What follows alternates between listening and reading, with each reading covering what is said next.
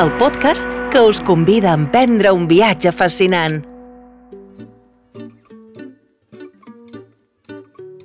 Us heu preguntat mai quin és el vostre lloc preferit del món? Quin és aquell indret on us agrada tornar sempre? Aquell racó on us sentiu més a gust?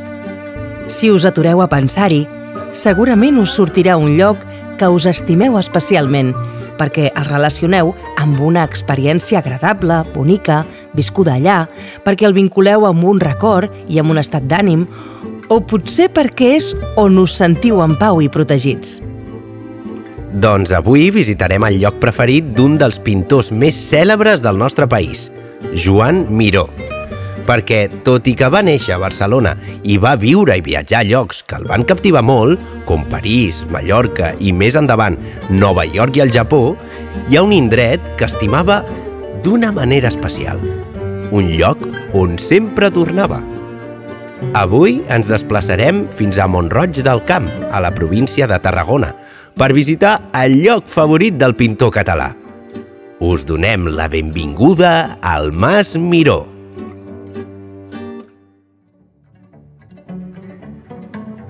Joan Miró va néixer a Barcelona l'any 1893. El seu pare era un home pràctic i realista, tot el contrari que la seva mare, que era molt més sensible.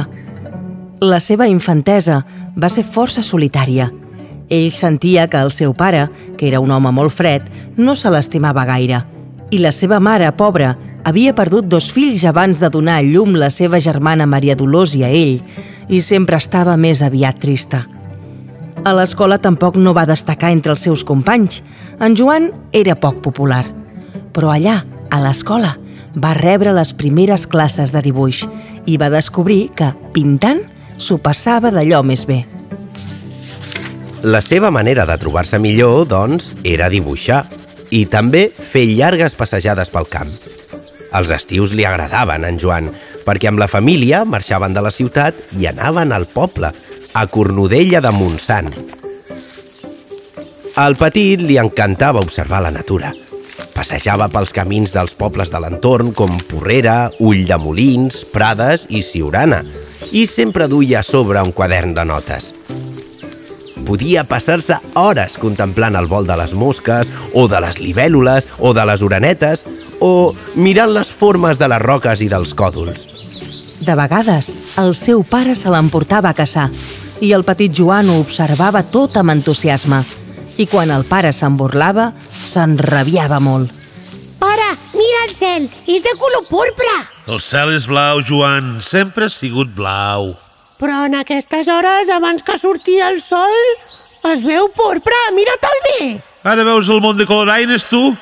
Oh, va, no diguis bajanades. Has de tocar més de peus a terra, Joan.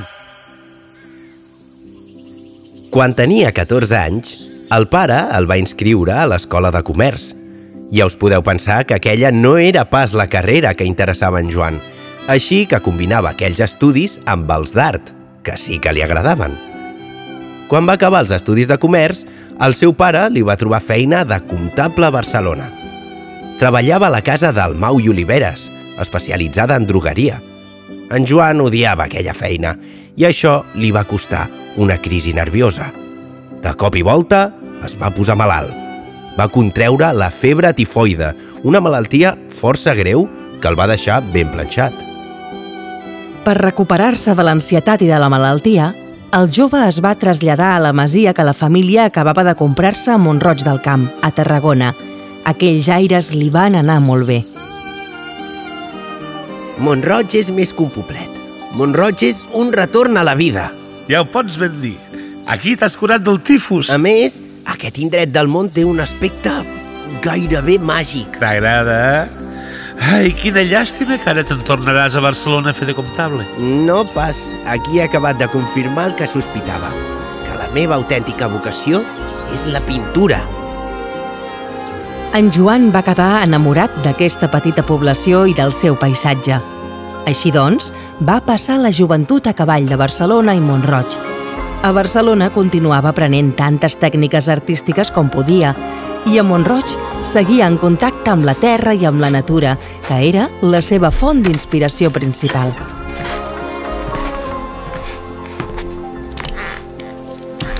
Sempre fa servir uns colors molt vius, Joan. Són els colors de Montroig. Mireu, el color roig és el color de l'ermita de la Roca i el que dona nom al poble. El color blau és el cel de Montroig. El verd és el verd dels garrofers. I el groc és la joia de Montroig, les seves floretes i les seves plantes. I com és el Mas Miró, aquest lloc de pau, calma, inspiració que tant agradava a l'artista? Doncs el Mas Miró està format per una sèrie d'edificis de diverses èpoques, des del segle XVIII fins al segle XX. La masia, que originalment era coneguda com el Mas d'en Ferratges, presideix el conjunt i l'havien fet construir feia anys els marquesos de Montroig. Al costat d'aquest edifici central hi ha la Casa dels Masovers. També hi ha una construcció que feia de galliner i una altra de corral. Al Mas Miró també hi ha una capella d'estil neogòtic, construïda el 1916 per desig del pare de Joan Miró. En un principi, es tractava d'un oratori privat, amb accés a l'interior des de la mateixa casa, però finalment els Miró van fer-hi construir una porta a l'exterior perquè els pagesos dels voltants també poguessin fer-la servir. I a pocs metres de la masia és on hi ha el taller. És a dir, que el taller no el tenim dins de la masia, sinó que està en un edifici a part. I allà és on Joan Miró es dedicava a la creació artística. És un espai concebut pel mateix artista per poder-hi practicar l'escultura, una altra disciplina artística que apassionava Miró. L'espai encara conserva el pas de Miró, estris, esbossos, materials i objectes diversos, i a les parets destaquen uns grafits que hi va pintar per representar-hi les seves idees. Joan, no prefereixes fer els esbossos en paper en lloc de fer-ho a les parets? D'esbossos en papers en tinc centenars, però si bufa una mica de vent se'n van volant. Et ben asseguro que els que faig a les parets els tinc sempre a mà. Miró passava moltes estones al taller. Era una persona introspectiva, distant i sempre treballant de manera obsessiva. Qui entrava al seu taller se'l trobava concentrat, pintant o esculpint, i podia sentir l'olor d'oli, d'aiguarràs i d'acrílic. I per tot arreu, colors i dibuixos, a més d'esquitxades per terra, pinzells humits, pots de pintura i més endavant de gasolina, teles escampades, la bata de pintor... En aquell taller ho tenia tot. I si volia inspirar-se, només calia que tragués el cap per la finestra o passegés una mica. Davant de l'edifici principal hi ha el jardí, on destaquen uns arbres majestuosos, els eucaliptus. També hi ha una glorieta, un espai molt singular que va acollir moltes vegades Miró, que aprofitava la seva ombra i la seva tranquil·litat per pintar. Allà, a la glorieta, és on va pintar la Baileta, un retrat de Consol Boquera, que era la filla dels masovers del Mas Miró al començament del segle XX. Perquè Miró no només pintava paisatges i elements del poble, també retratava personatges. Què, Consol? Ja estàs arreglada? Sí. Doncs vinga, som-hi, que anem a pintar. Anem a la glorieta? Això mateix, igual que ahir. Que he d'acabar el teu retrat. En aquell mas i el seu entorn, Miró trobava les condicions per treballar en contrast amb la ciutat, que tenia massa bullici, massa soroll i poca natura. De fet, el seu llenguatge pictòric neix del contacte amb la natura, el treball dels pagesos i les coses més quotidianes. Miró gaudia passejant i dibuixant els camps que envoltaven el mas, que ens hem d'imaginar amb garrofers, oliveres, horta i ametllers. El garrofer és un arbre enorme que no perd mai les fulles. Fa arrels a la terra de Montroig, com jo, que tinc unes arrels als peus, que són les que m'han donat força. Així et sents, Joan? Com si tinguessis arrels? sí, tal com et dic. Jo he estat sempre en contacte amb Montroig. No hi he perdut el contacte i això m'ha donat una força d'arbre en la meva obra, no una força humana sinó una potència vegetal. Em penso que no hi ha millor manera de descriure la teva manera de pintar. Miró solia pujar a peu cada estiu a la muntanya de la Mare de Déu de la Roca, perquè li agradava molt mirar tots els detalls que trobava pel camí de pujada, des de les plantes i els arbustos fins a les pedretes i les formigues. De debò t'atures a mirar les formigues? Una formiga és tan important com una muntanya. La posició de l'ermita de Sant Ramon i les formes cúbiques del penyal roig, desafiant les lleis de l'equilibri, van captar l'atenció del jove Miró i li van inspirar quadres com el titulat Montroig Sant Ramon. També li agradava anar a nedar.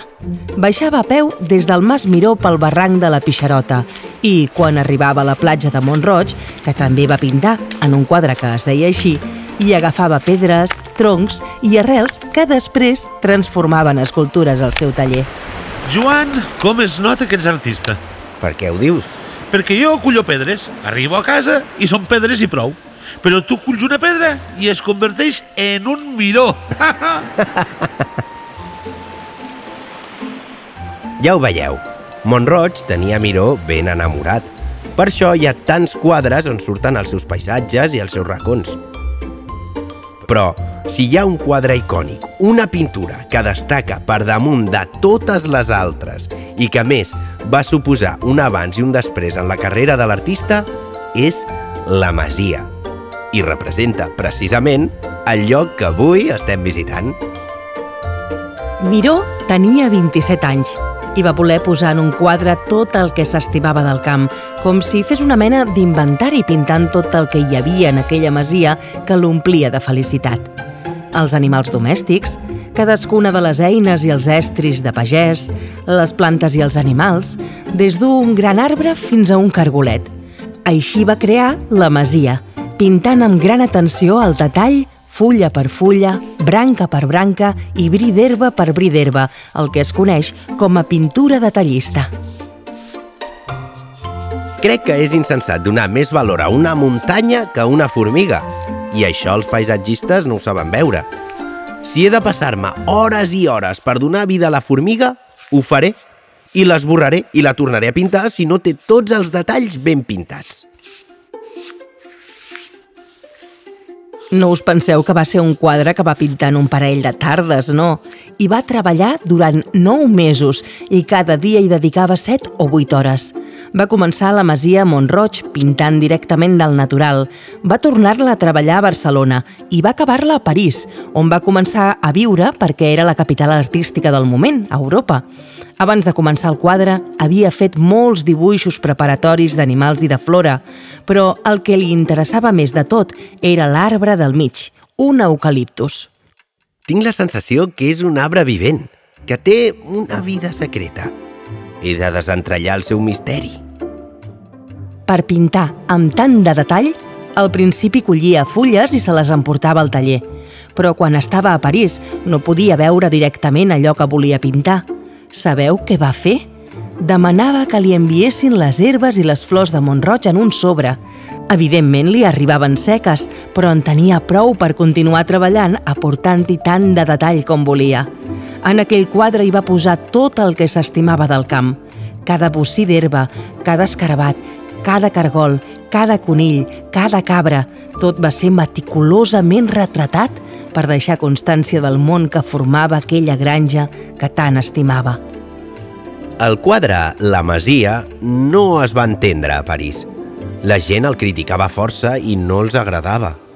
És estrany, tot sembla desordenat. Doncs jo t'ho diria al revés. Està tot massa ordenat, no es veu natural.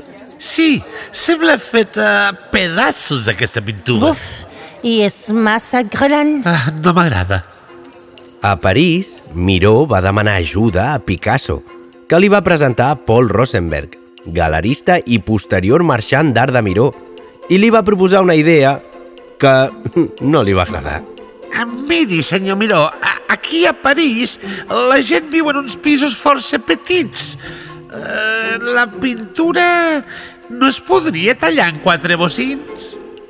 Miró, esgarrifat amb aquesta idea, es van portar el quadre a un cafè de la ciutat, on es va exposar una nit.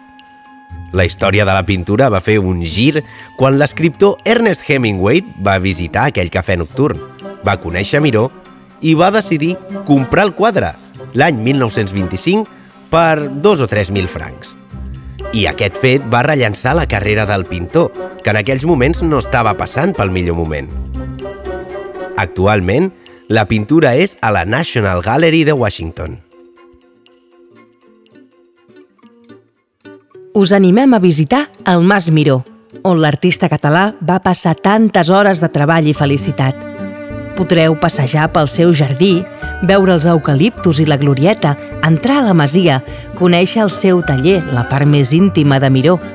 Hi ha tantes coses que descobriríem en aquell taller si les parets parlessin. També s'hi fan visites teatralitzades, on una masovera us explicarà tots els detalls i les anècdotes. I també s'organitzen activitats per a petits i grans. Fins i tot, des del Mas Miró podreu començar una ruta pel paisatge emocional de l'artista, que us farà passejar per Montroig, on podreu trobar tots els elements que Miró va pintar als seus quadres. Gaudiu del lloc que tant va fer gaudir Miró, el lloc on sempre tornava, el lloc que més va estimar.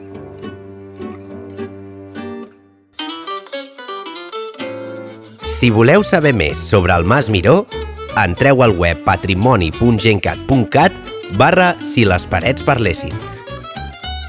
Descobriu els jocs interactius i les propostes d'activitats que trobareu al web. Si les parets parlessin, un podcast de Patrimoni Gencat.